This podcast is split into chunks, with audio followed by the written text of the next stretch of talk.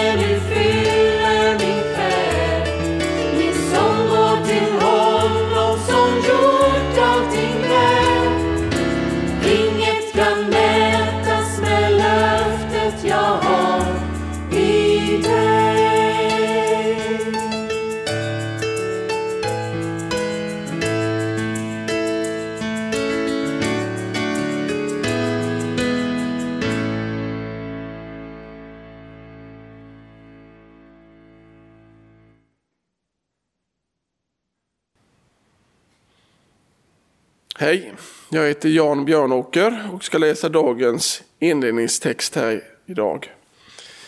Jag ska läsa ifrån Efesiebrevet kapitel 5, 1-9. Ta alltså Gud till föredöme som, han som hans älskade barn.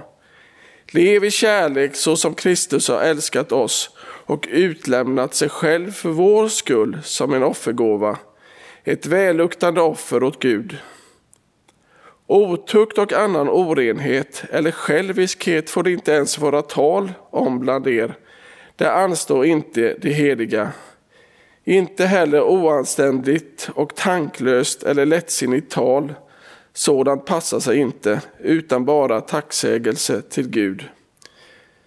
Ni vet ju mycket väl att ingen kan få del i Kristi och Guds rike om han är otuktig eller oren eller självisk, alltså avgudadyrkare. Låt ingen lura er med tomma ord. Det är sådant som drar Guds vrede över olydnadens människor. Ha därför ingenting med dem att göra. En gång var ni i mörker, men i Herren har ni nu blivit ljus. Lev som ljusets barn. Ljuset bär frukt överallt där det finns godhet och rättfärdighet och sanning. Ska vi be tillsammans för gudstjänsten?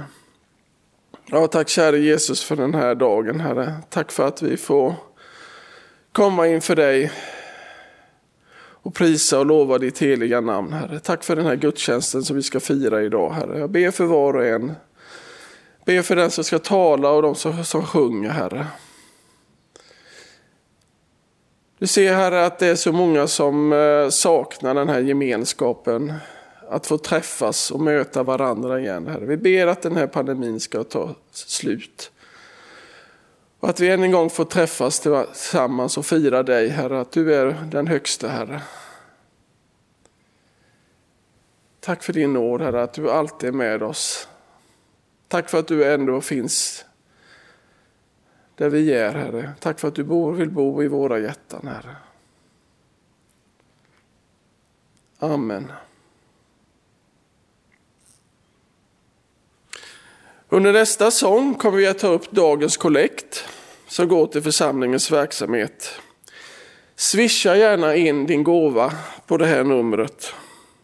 123 298 0282.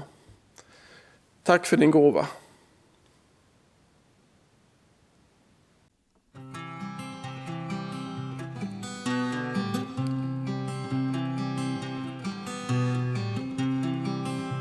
När allting kommer kring När stormar sveper in Jag finner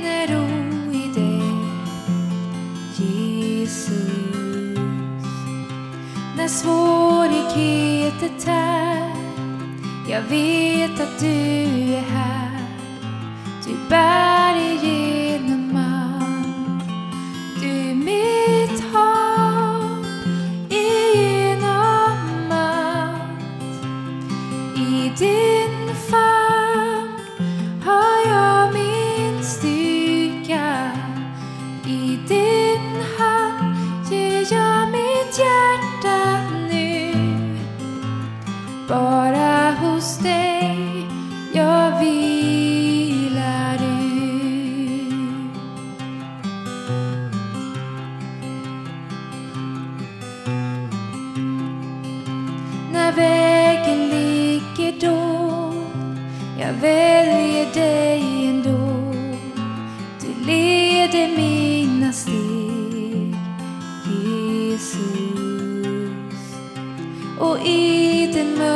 mörka dag När själen lider kvar. Ditt ljus ska lysa klart.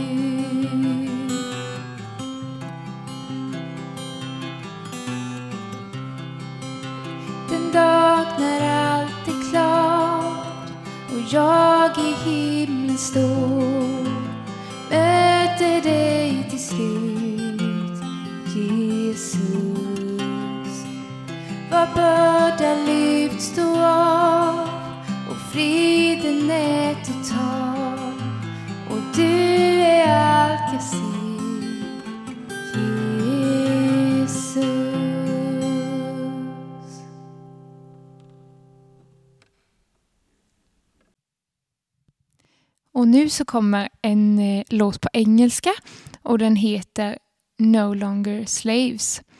Och ja, den handlar ju helt enkelt om att vi inte längre behöver vara slavar under rädslan för att Jesus har gjort oss fria.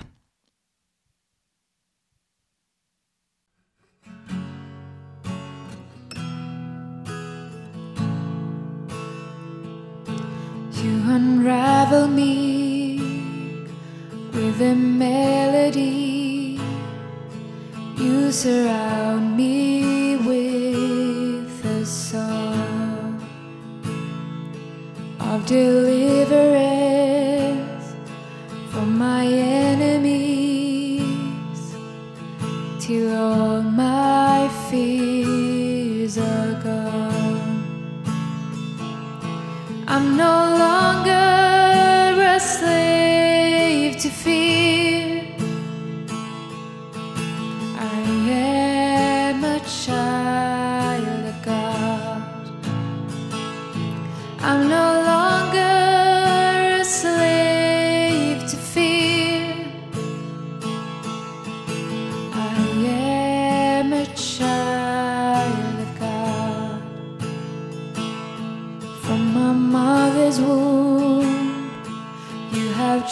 chosen me.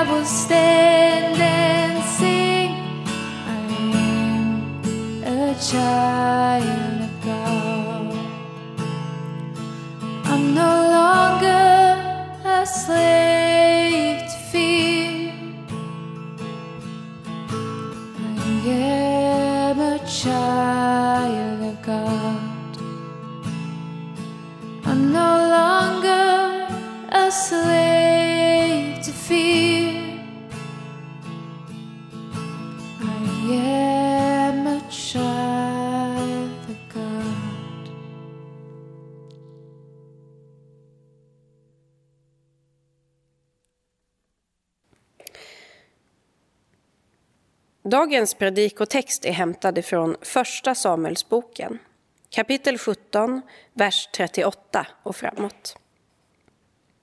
Så klädde han David i, sin egna, i sina egna kläder och satte på honom en hjälm av brons och, och ett harnesk. Sedan spände David fast svärdet utanpå kläderna och försökte gå i rustningen. Det hade han aldrig tidigare prövat. Nej, med allt det här kan jag inte gå, sa han till Saul. Jag har aldrig gjort det förr. Och så la han av sig rustningen. Han tog sin käpp, valde ut fem släta stenar i bäcken och stoppade dem i sin herdeväska, sin ränsel. Med slungan i handen gick han emot Filisten. Filisten kom allt närmre med sköldbäraren framför sig. När Filisten fick syn på David fnös han föraktfullt åt honom. Det var ju bara en ung pojke, ljushylt och vacker. Tror du jag är en hund eftersom du kommer emot mig med käppar? frågade han. Så nedkallade Filisten sina gudars förbannelse över David. Kom hit, ropade han, så ska jag ge dig din kropp åt himlens fåglar och markens djur. David svarade. Du kommer emot mig med svärd och spjut och sabel. Jag går emot dig i Herren Sebaots namn, han som är Israels här, härsk, härars Gud och som du har smädat. Idag ska Herren utlämna dig åt mig jag ska fälla dig till marken och hugga huvudet av dig. Idag ska jag ge ditt lik och de filisteiska soldaternas lik åt himlens fåglar och markens vilda djur. Så ska hela världen förstå att Israel har en Gud och alla här ska inse att det inte är med svärd och spjut som Herren ger seger. Han råder över kriget och han har gett er i vårt våld. När nu Filisten fortsatte framåt och kom allt närmare sprang David med snabba steg framåt hären för att möta honom. Han stack handen i väskan och tog upp en sten, sköt iväg den med slungan och träffade Filisten så att stenen trängde in i pannan och han föll framstupa på marken. Så besegrade David Filisten med slunga och sten. Han dräpte Filisten utan svärd. Vi ber.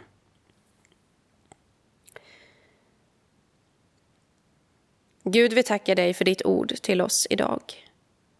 Tack för att du är den som kämpar före oss, med oss, i oss. Tack för att vi får förlita oss helt och fullt på dig, vad vi än möter. Amen.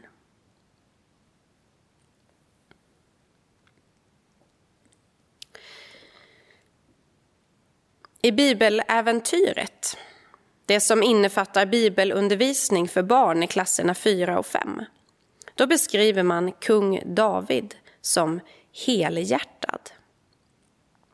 Och för tydlighets skull, för att kunna särskilja Israels tre stora kungar, så talar man om kung Saul som hjärtlös och kung Salomo som halvhjärtad och kung David som helhjärtad. Men det här är ju inte för att säga att Saul var helt eller enbart dålig eller att David skulle vara perfekt. Det handlar snarare om deras förhållande till sin Gud. Man vill säga att Saul, han vände sig helt bort från Herren och Salomo, den halvhjärtade, han var på något sätt i sig själv splittrad i relation till Gud. Men David då?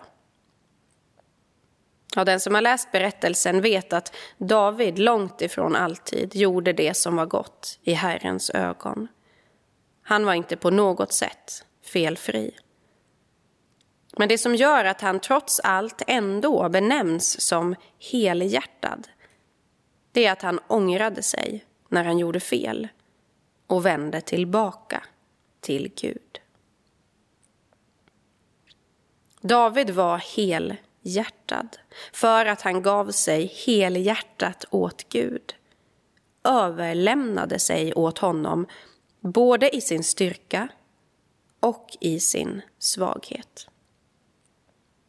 Och jag tror att i kampen mot ondskan, det som ju är dagens tema, så är det starkaste vapnet just den, odelade, den odelade det odelade hjärtat, den helhjärtade tron. När David som ung pojke blir smord till kung, när han utväljs av Herren, då är det flera som höjer på ögonbrynen. Det fanns ju ett antal andra bröder som på många sätt vore bättre lämpade. Men när profeten Samuel frågar Herren om det här, för han tycker också det är konstigt, ja, då svarar Herren så här. Herren ser med andra ögon än människor. Människor ser till det yttre, men Herren ser till hjärtat. Gud såg något i David redan när han var ung. Han såg ett odelat hjärta, en helhjärtad tro. Och det vägde tyngre än de här yttre attributen, meriter och CV. Magnus Malm, som är en kristen författare, han skriver i en av sina böcker som heter Fri att tjäna, en bok som vi också läste i styrelsen för förra året. Då skriver han så här. Den största tillgången i en kristen församling är människor som vet att de är älskade av Gud. Jag tar det igen. Den största tillgången i en kristen församling är människor som vet att de är älskade av Gud. Vad menar han, eller hur kan det vara så?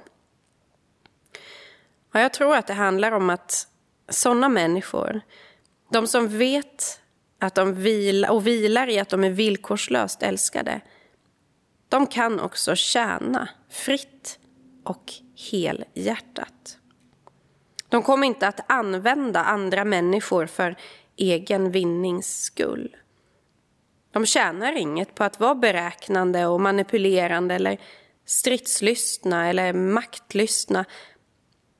Den som vilar i Guds kärlek kan också älska sin nästa som sig själv. Och jag tror att det var det här som Gud såg i David och varför han utsåg honom till kung. Tryggheten i Guds löften det var det som skulle göra David frimodig och modig och självutgivande. Och det här ser vi också i dagens text. Ur berättelsen om mötet mellan David och Goliat. David behöver inte rustningen som yttre skydd och attribut. Han vilar tryggt i Guds beskydd. Han behöver inte svärdet eller skölden. Han är redan bärare av Guds ord. Och han träder fram som han är, med det han har, med det han kan. Och det räcker. Hans största vapen syns inte för ögat, men ändå, alla som ser honom hänförs av styrkan i hans okuvlighet, hans helhjärtade tro och övertygelse. Det här måste ha varit en mäktig syn. Två stridshärar på vardera sida om den här Terbintdalen. Stridsropen skallar mellan bergen. Det dammar i luften. Svärdsklingor blänker i solen, rustningarna strålar, hästarna frustar. Allt är så uppumpat och upprustat som det bara kan bli. Och så kliver den unga pojken fram. Iklädd endast sina herdekläder med sin lilla stenslunga i handen. Och att David i sin person förebådar Kristus, det är inte så svårt att se. Det odelade hjärtat den ensamma, utsatta människan inför fiendens härskaror. I Jesus avskedstal till sina lärjungar inför sin förestående död så säger Jesus så här, och när jag läser de orden så kan jag också se David på slagfältet framför mig. Jesus säger. Den stund kommer, den är redan inne, då ni ska skingras, var och en åt sitt håll och lämna mig ensam. Men jag är inte ensam, eftersom Fadern är med mig. Detta har jag sagt er för att ni ska ha frid i mig. I världen får ni lida, men var inte oroliga. Jag har besegrat världen.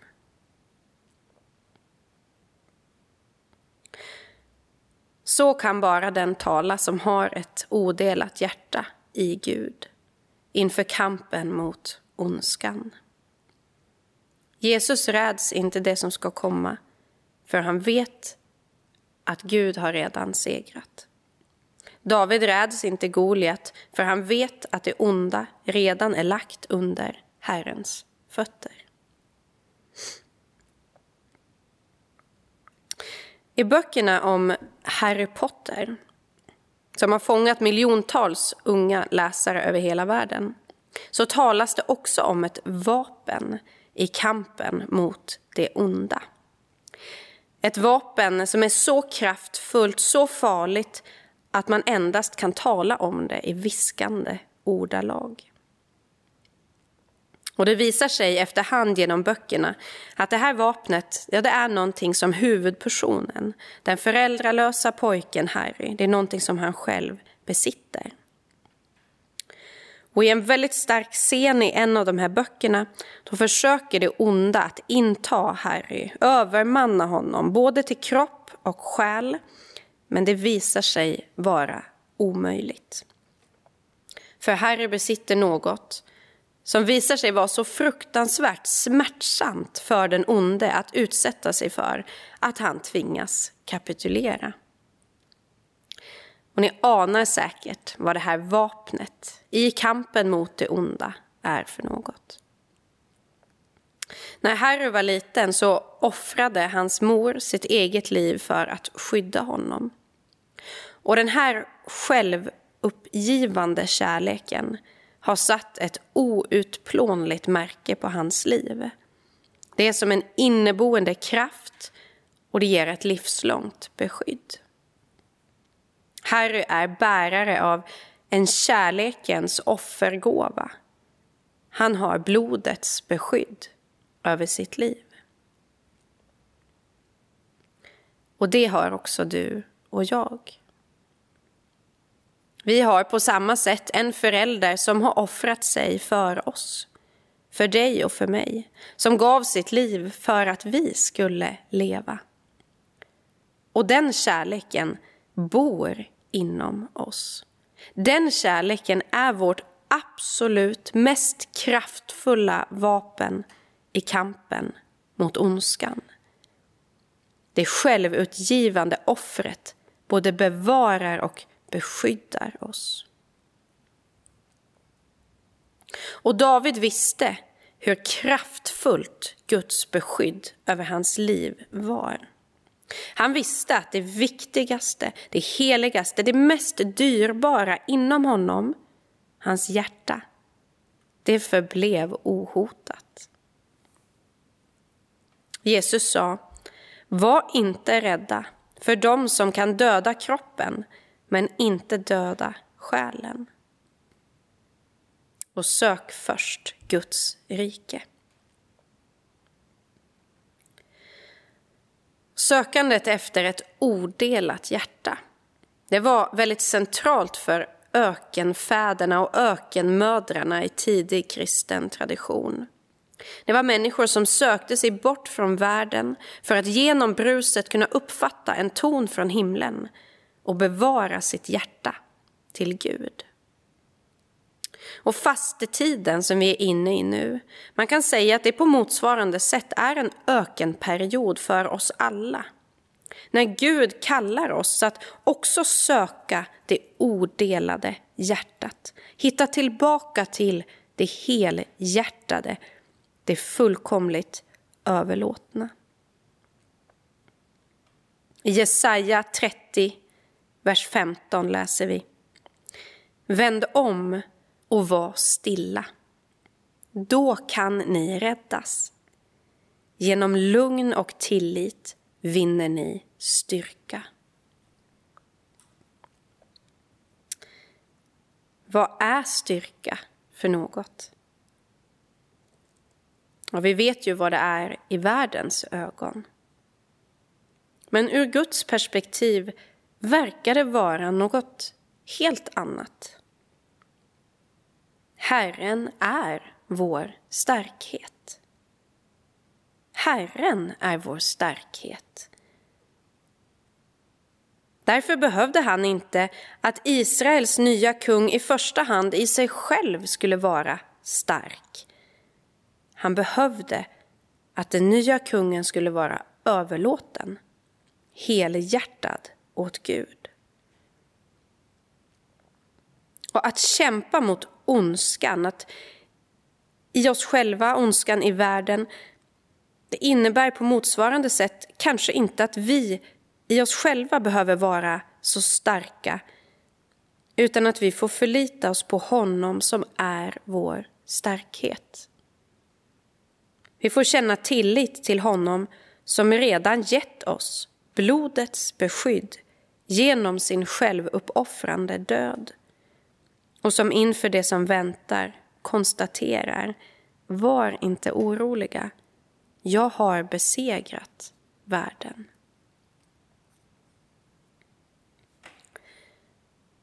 Förra söndagen så läste jag upp ett citat som lyder Alla du möter för en kamp som du inte har en aning om. Så var snäll. Alltid.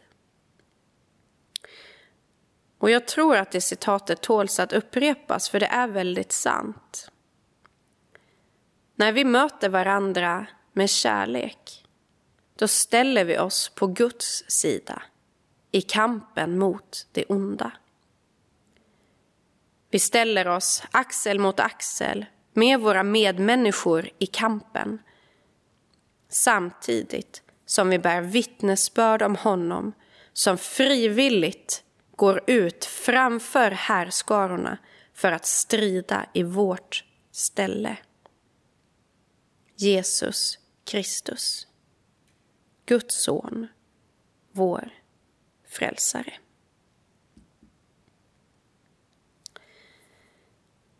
Vi ber.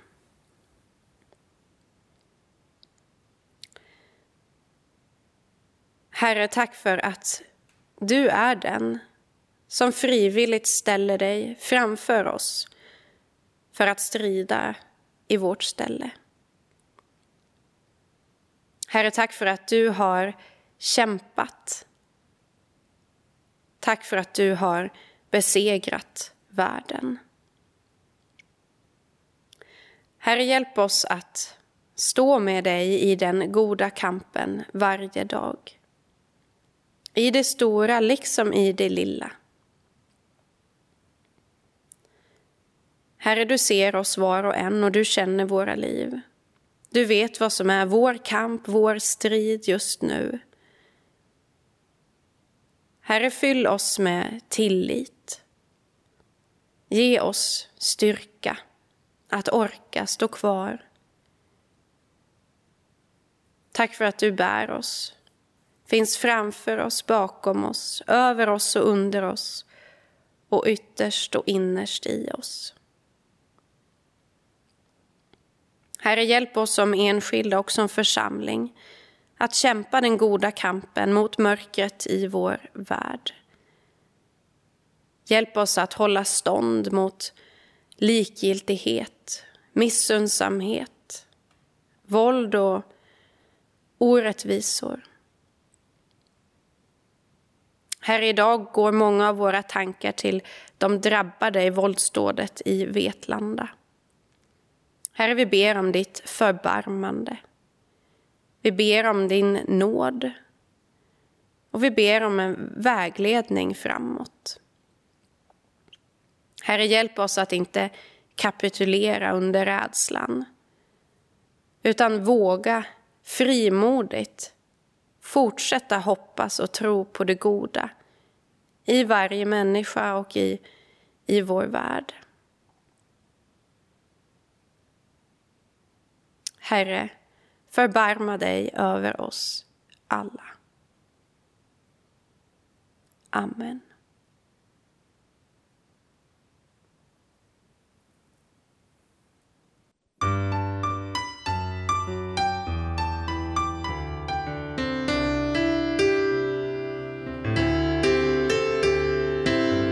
På dig min Gud förtröstar jag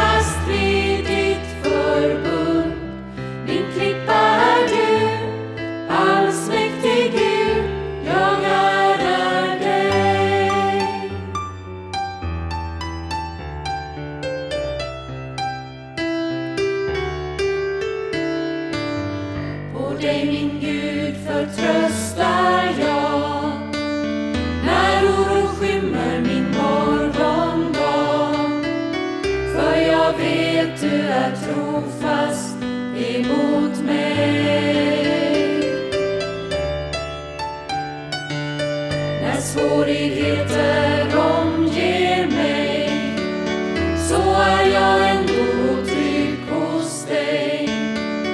För jag vet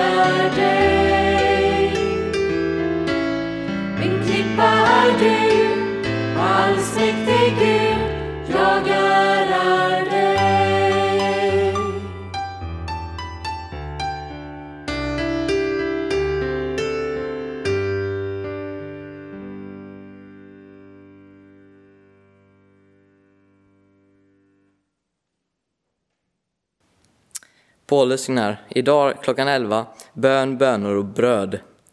Söndag ska hon lägga även ut en ny film på Facebook. Och nästa söndag sänds gudstjänsten i podden. Nästa söndags gudstjänst är midfastosöndagen. Tema Livets bröd. Talare Johanna Fredriksson. Mötesledning eh, Madeleine Karpeman. Och sång Sofie och David Hugosson bön och offerdag för pastors och diakon, diakonutbildningen. Klockan 11, bön och bönor och bröd.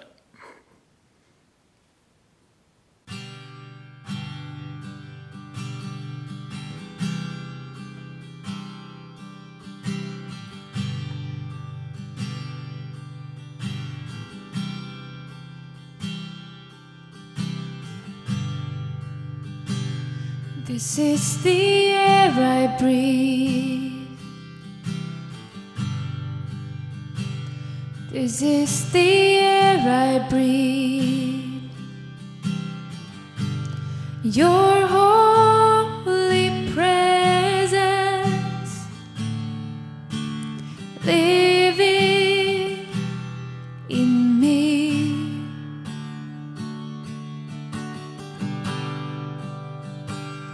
Is this my daily bread. This is my daily bread. Your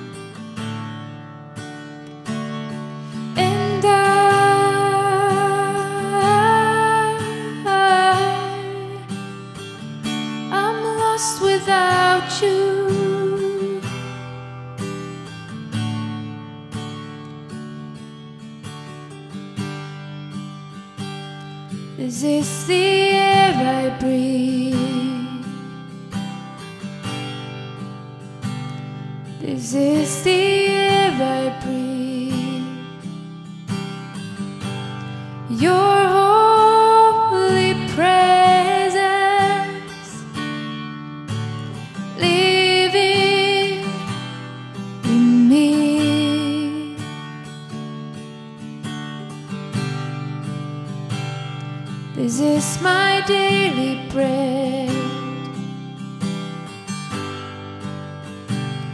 This is my daily bread. Your very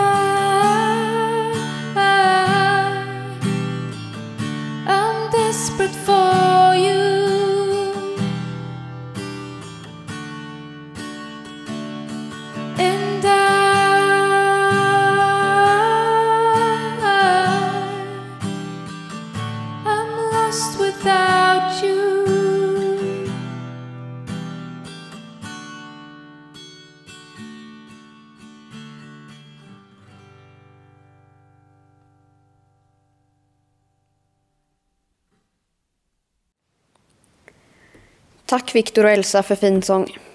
Vi ber. Gud som är vår tillflykt när ondska och vanmakt drabbar oss.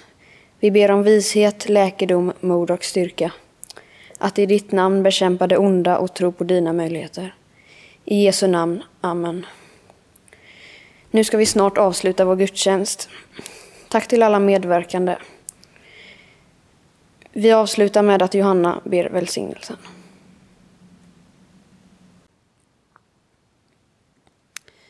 Ta emot Guds välsignelse.